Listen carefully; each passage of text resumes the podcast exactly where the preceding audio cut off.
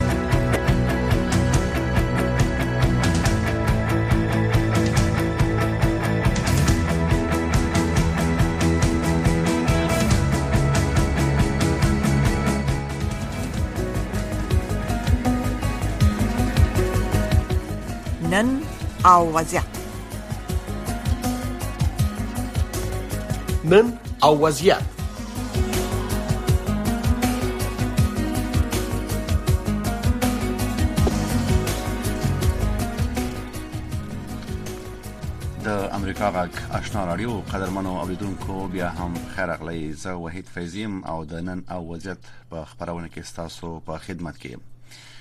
په تیرو دوو کلونو کې په افغانستان کې د طالبانو له واکمنېدو وروسته د نورو وګړو ترڅنګ ژورنالستان او خبريالان هغه څوک چې په غنو مشکلات کې وو او په اصطلاح له سن سره مخامخ شوې دي په دې ترڅ کې په سلګونو کسان له افغانستان هم وتلي دي چې اوس په بهراني هیوادونو کې دی او ترڅنګ یې له هم یو شمیر د افغانستان په گاونډیو هیوادونو کې دي ترڅو نور هیوادونو ته ولاړ شي د نن ورځې د بحث د موضوع ده په دې خبرونه کې به لما سره یو ملما په خوانې په افغانستان کې خبريال اکرام اسمتي هم مل شي خو تر هر څه مخکې زو خبرونه اورو لموږ سره پات شي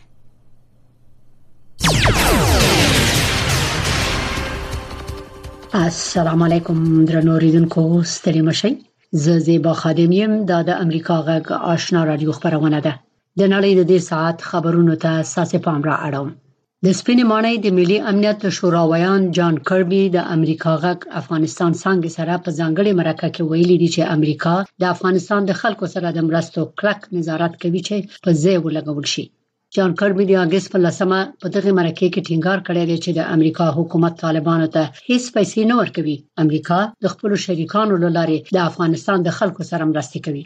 کربي د امریکا د متحده ایالاتو د استازو د خونې د بارنۍ اړیکو د کمیټې د مشر مايكل مکال د هغو څرګندونو نه یو ورځ وروسته دا خبره کړې ده چې ویلي وو سپینه ماڼۍ باید افغانستان ته د مرستو ډیر نظارت وکړي همداشان سمو د مخکې د سیګار ځانګړي سرمفتش د امریکا کانګرس ته راپور ورکړی و چې طالبان د افغانستان سره د امریکا او د ملګرو ملتونو په مرستو کې مداخله کوي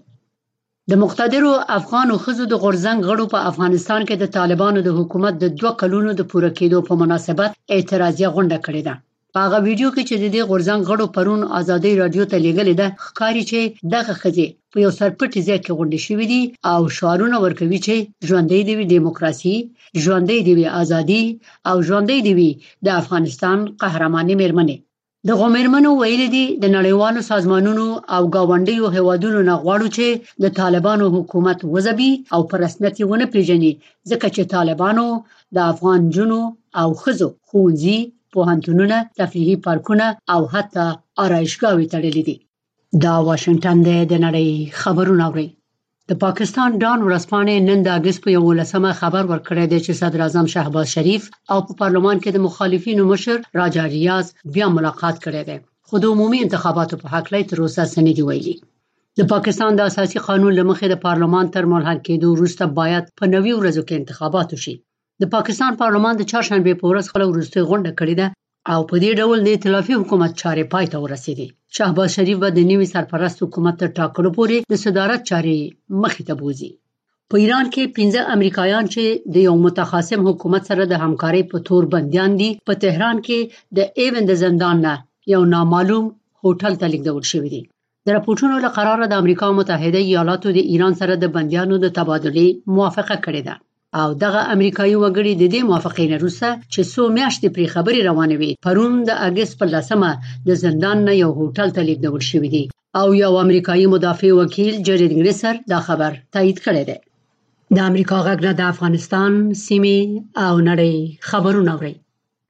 په کینیا کې په یو مذهبي مشر تور دی چې خپل پیروانو ته یې امر کړی و چې ځانونه له لوږې ووژني د دې خبر تفصیل تاسو ته پام را اړوم پر پاول مکینزي دغه مسیحي مذهبي مشر تور دی چې خپل سلګونو پیروان یې هڅولي چې ځانونه له لوږې ووژني پال مکینزي هدایت کړی و چې وروسته د هغوی مړی د کینیا پایتخت مومباسا ته څیرمه د کلیفي د ښارګوټي په ځنګلي سیمه کې په داسې قبرونو کې ښخ کړي چې ډیر ژور نه وي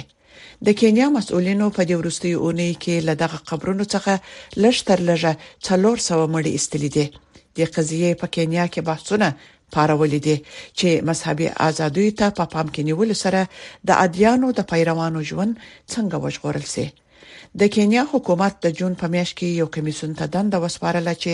د شپږو میاشتو په ترڅ کې د دیني ازادیو په اړه د نوو مقرراتو د وضع کولو په اړه د عامو خلکو نظریات ټول کړي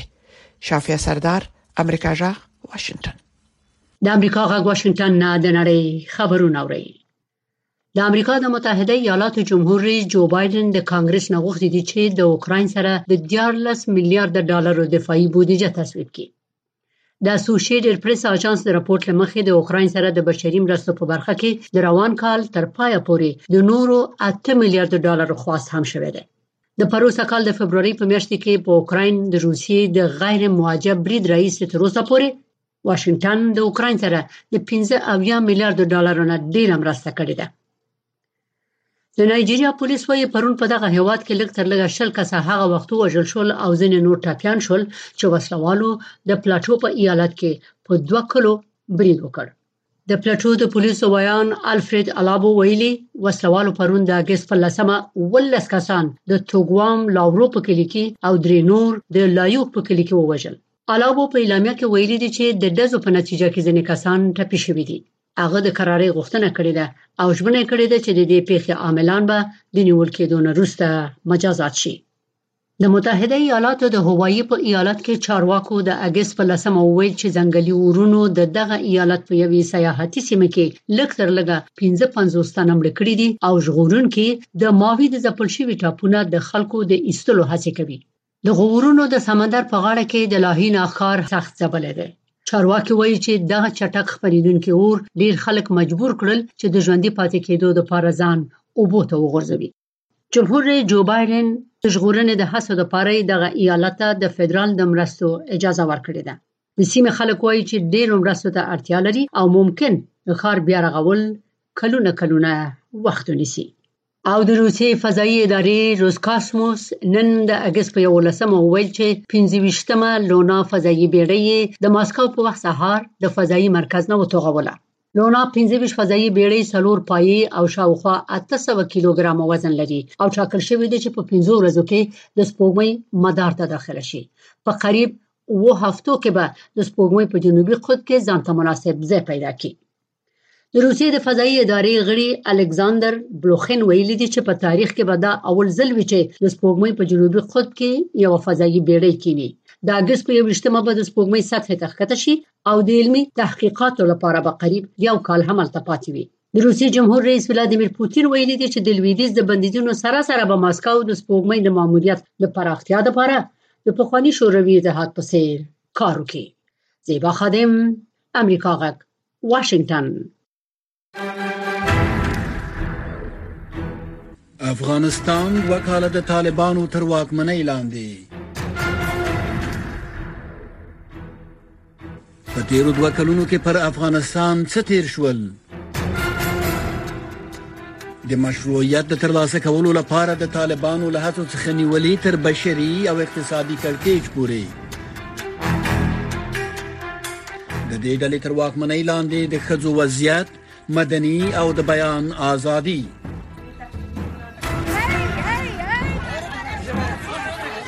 د امریکا غږ د سپوږمکۍ ډیجیټلي شبکو او رادیوي چینلونو په ځانګړو پروګرامونو کې په دې تړاو د ریپورتونو، څېړنو او ځانګړو مرکو لیدل مه هېروئ.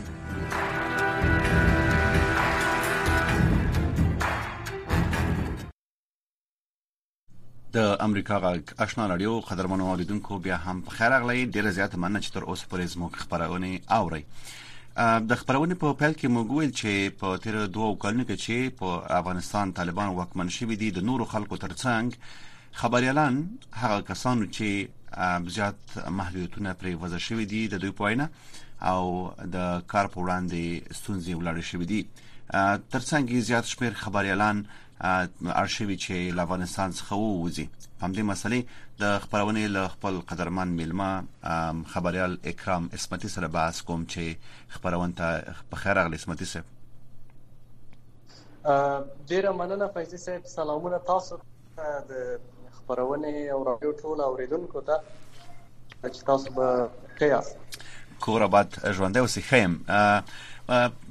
ستاسو نه به دا وورو چې په تیر دوو کلونو کې د خبريالانو وضعیت څنګه دی خو تر هغه مخکې تازه خبر به تاسو دا وایم چې د افغانستان د خبريالانو مرکز د معلوماتو پر اساس په تیر څو ورځو کې د افغانستان په یو شمېر ولایتونو کې پنځه سیمه ییز خبریالان د طالبانو د استخباراتو د ادارې لخوا نیول شوې دي دا چې تر اوسه پورې ولې دی نیول شوې دي په اړه وضاحت نشته خو زو لکه څنګه چې پښتنه مې وکړه د خبریالانو وضعیت په اړه تاسو نظر اورو فیضي صاحب تر ډیره په افغانستان کې د خبريال د طالبانو له راتګ وروسته خبريالان په دوامداره له تاوتریخوالي سره مخ دي د طالبانو له لوري د آزاد فعالیت اجازه ورته نه ورکول کیږي دغه یو ستونزه د طالبانو له راتګ نه وروسته خبريالانو ته پېښه شوې ده چې خبريالان نشي کولای په آزاد ډول خپل رسنیز فعالیت ته دوام ورکړي او تر ډېره پورې هغه خبريالان آزاد توګه مثلا مثلا او په خپل برخو باندې کار کولو د ته پرې نه خو او بل اخر د طالبانو لوري د 2000 یو ویشت اگست نه را په دې خوا په لسګونو ویلی شو حتی په لا د دې نه ډېر خبریالان ځورول شوي دي او دوی ته دغه موقع نه ورکول کېږي چې مثلا دوی په آزاد ډول فعالیت ولري د پخوا په څېر او وکړای شي هره موضوع باندې بې طرفه راپور جوړ کړي بې طرفه ور باندې کار وکړي له 2001 شاګس نه تر نن پورې چې دغه تاسو ورته مخ کې اشاره درلوده تازه طالبانو د پنځو شپږو په شاوخوا کې خبريالان په څو ولایتونو کې نیولې دي ننګرهار کې کابل کې نور ولایتونو کې نیول شوي دي چې دا د خبريالانو د بد وضعیت ښکارندویي کوي بله مهرباني او تر ډیره دغه خبريالان چې اوس په د ورستیو کې د طالبانو د استخباراتو شوي دي د کوم خبريالانو سره چې تاسو کې د دې ډېری عامل چې ډېری د بهرنیو خبريالانو سره مرستندوی وو یا مثلا دوی ته معلومات ورکول د خپل سیمو او ډېری د سیو چې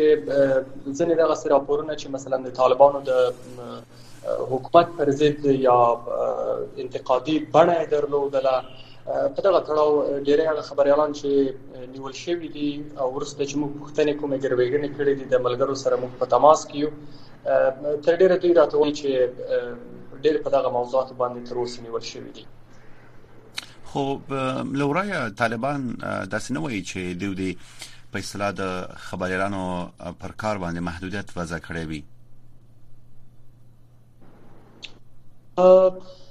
د طالبانو د لومړۍ ورځې نه دغه دریځ چې مثلا دوی په خبریالانو باندې کار نه لري یا د خبریالانو په چارو کې دوی مداخله نه کوي خبریالان خپلواک دي دا لورایه معلومیږي چې یو تن لاغو خبریالانو دوه ته په افغانستان کې چې موږ تر ډیره پورې مثلا د خبرو باندې یقیني وو چې طالبان مثلا که دوی دا کوي نو ممکن په بخښنې سره ممکن خبريالان پریږدي په آزاد ډول ترڅو وکولای شي خبريالان په بي طرفانه ډول په آزاد توګه خپل رساله تر ورسوي اما نه دغه سینه پکېدل یو له خبريالانو چې د طالبان له لوري وګواښل شو ووهل شو زه خپل وم زما د سنگر ډېر نور ملګري دا واسه چې د طالبان له لوري نیول شوی دي تر اوسه د طالبانو سره په بند کې دي او د دوی په تړاو کوم دغه څه خبر نشته دی چې مثلا دوی چې دی ولې نیول شوی دی دا څنګه چې کېږي طالبانو په ځلونو موږ دغه پوښتنه کړې دي چې مثلا دغه دغه موضوع ته وضاحت ته وختنی اما دوی د موضوع ته نه حاضرې په یو رقم نه په یو نه ونه په یو نه دوی د موضوع نه ځان باسي وای چې زموږ بنديان چې معلومات کړی کس مسؤلیت ځان وباسي او چاته ځواب کوی نه دی البته توک نشته چې د طالبانو سره مثلا دومره تون لاړ شي چې ولې پلان ول شوی هغه سنه واس نیول شوی د تاسو سره دی پیریږي خبريال خانه هغه شان او شوکت نه لري چې وکول شي په طالبانو په حکومت ازادانه ډول نقد وکړي په آزادانه ډول مثلا وکړی شي چې د هغوی ګټیاوې ورته په ګوته کې په آزادانه ډول وکړی شي چې په هغوی وباسي اوس که دغه یو څه کېږي د دغه خبریالانو چې دغه اوس نیول شوي دي او لا درکه دي ورک دي په دغه یو برخلیک باندې اخته کېږي ولې فکر کوئ چې طالبان لکه څنګه چې تاسو خپل ویلي محدودیت په کار باندې دی ولی نه پریږدي چې خبريالان په هغه کوم د رسنیو قانون چې دی دغه په اساس باندې خپل کار دوام ورکړي تلای خو ډیر دی فیضی صاحب اما یو لامل دغه کې شي چې طالبان نظر د تیر حکومت پر خلاف چې هغوی مثلا د بیان ازادۍ ته تر حد امکانه پورې وخت ورکړی وو او د بیان ازادي و همدارنګه د رسنیو ازادي همدارنګه خبريالان ازاد رسنۍ دوی تر د طالبانو د خپل حکومت هغه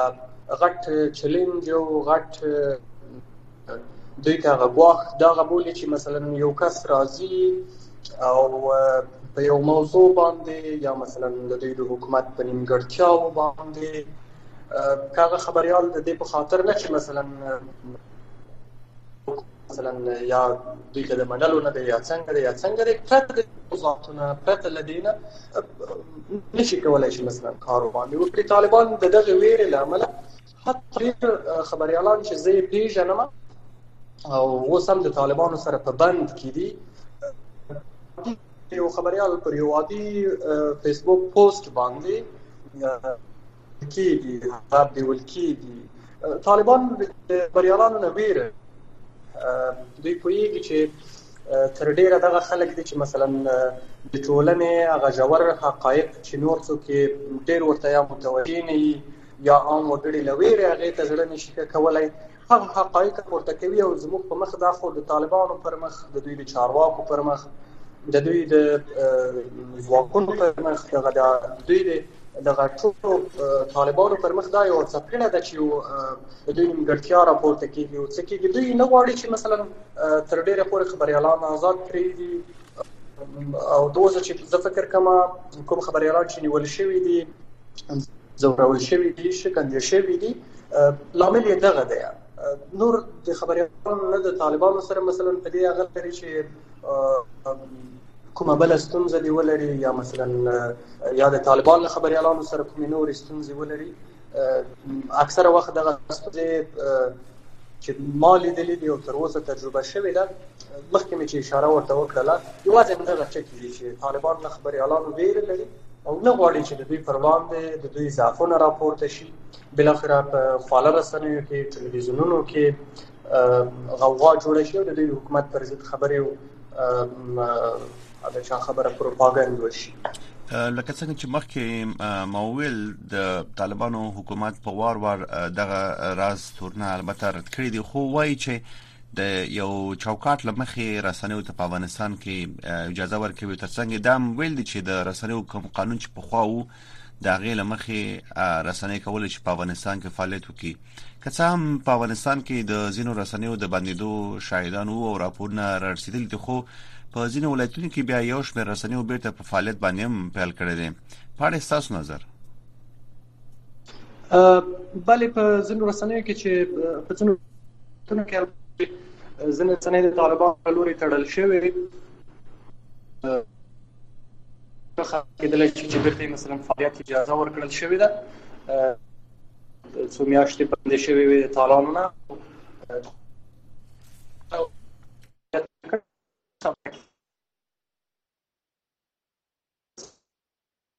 خبر دا دی چې پول سازمان په افغانستان د ړنګېدو یا د تیر حکومت ړنګېدو خو افغان رسنۍ لمنځه تللې دي نو دغه یو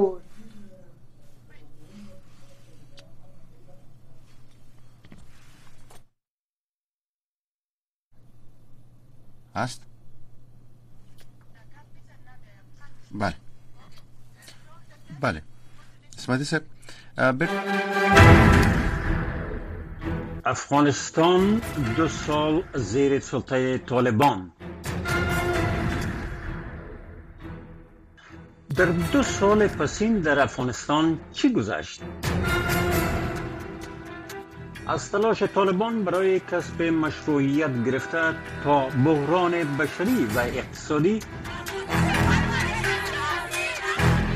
در زیر سلطه این گروه را در قالب گزارش ها تحلیل ها و مصاحبه ها در برنامه های ویژه ما در محوره و شبکه دیجیتالی و رادیویی صدای امریکا فراموش نکنید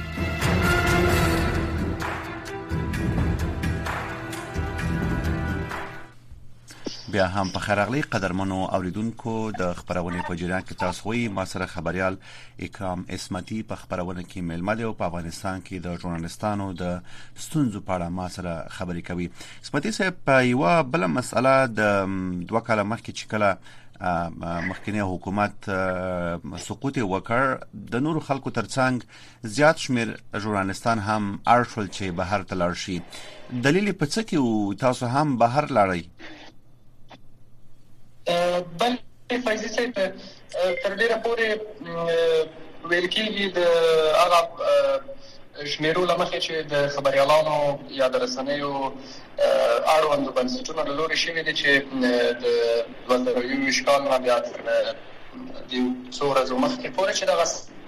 چې د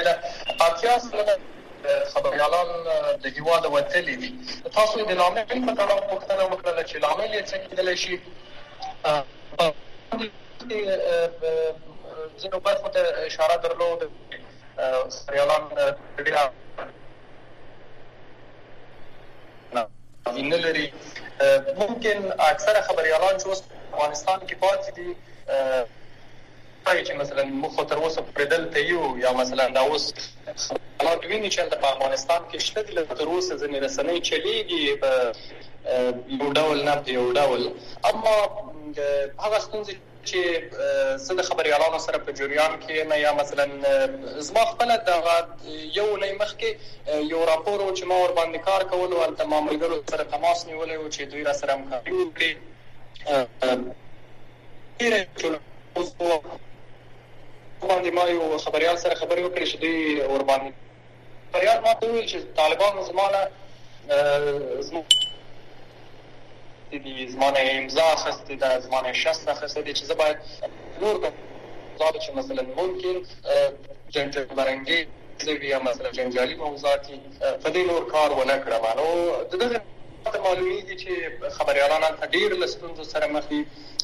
رسنۍ بې حده هغه ټیټې کچې ته مثلا د یو سل پنځوس رسنیو څخه اوس ډېرې کمې رسنۍ پاتې دي چې هلته فعالیت کوي، اقتصادي وضعیت د رسنیو هم د هغه لومړیو وختونو په شان هسې نه دی چې مثلا دوی د خبریالان جذب کړلی شي، د دې ترڅنګ خبریالان خپلواک نه دي. د خبریالانو د خبریال چې کله رئیسي صاحب خپلواکي واخیستل شي خبریال نشي کولای چې مثلا خپل مسلک ته دوام ورکړي نو کله چې د یو خبریال نه خپلواکي کېږي د هغې نه مسلک اخیستل کېږي هغې ته تهدید موجود وي دا به طبیعي وي چې مثلا هغه به تهدید کیږي، هغه به ورټل کیږي، تر اوسه ډیری خبریالان ما مخکې اشاره درلوده چې دوی په زندانونو کې دي، حتی کورنیو ته یې احوال نه ورکول کیږي چې دوی چیرته ساتل کیږي، په کوم ډول دي، سزا یې څه ده، په دغه لاملونه دي، دغه لاملونه که ټول راټول کړل شي ممکن یو خبریال هلته زړه ښه نشي کړلی چې هلته پاتې شي، تر ډیره چې دغه اتیا سلنه. رسنیو د ملاتړو بنسټونو یا د رسنیو اړوندو بنسټونو راپور کړې ده چې اتیا سلنه خبریالانو له افغانستانه وتلي دي، پر ځای دا اوس یې موږ وینو تر ډېره په پاکستان کې دي، ایران ته ډېری یې تښتېدلي دي، حتی په بې ویزې، بې غږه.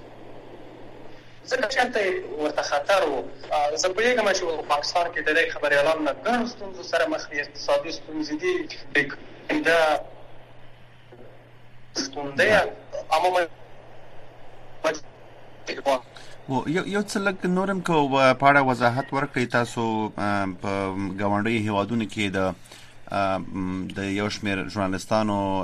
تل الته یاد کړل چې په اصطلاح ارشیوي دي چې و تختیال ته لاړ شي زیات شمېر په دې تمه دي چې دی غواړي چې نور هیوادونو ته لاړ شي دغه سم وضعیت نور هم دوام وکړي زونه یو د متفاوت ډول مثلا خپل وکیل لري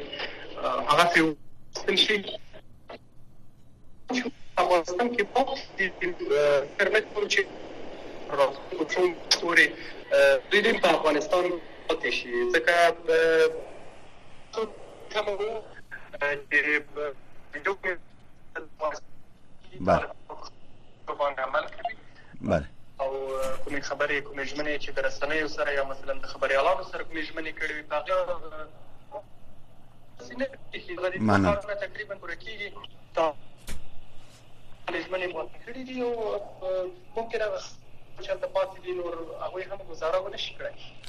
ډیره زیاته مننه خبریال اکرام عصمتي چې په دې خبرونه کې لما سره د ګډون کړو که څنګه چې ما د خبرونه په جریان کې هم ویل طالبان وایي چې د افغانستان د د رسنیو کوم قانون چې دغه په اساس باندې په افغانستان کې رسنیو ته د فعالیت اجازه ورکړه خو تاسو ورد چې په افغانستان کې د ژورنالستانو ستونزې هم خبريال اکرام اسمتي روخانه کړې او پغي خبرې وکړې ډیر زیات مننه تاسو ګډون په دې خبرونه کې قدرمن دوستانو په افغانستان کې د ژورنالستانو د وضعیت په اړه تاسو هم کله ناکله خبرونه د افغانستان د وضعیت په اړه د امریکا غږنه هم اوري خو طالبان تل ویل دي چې رسنۍ او خلکو ته یې داس چاپریال مساعد کړي ترڅو وکول شي د خپل حکم قانون چې ورته وایي دغه په اساس باندې خپل فعالیت وکړي ساسو لمتیا ډیره زیاته مننه د خبرونه په څو شپو کې پاتې رسیدي تر بیا خېچه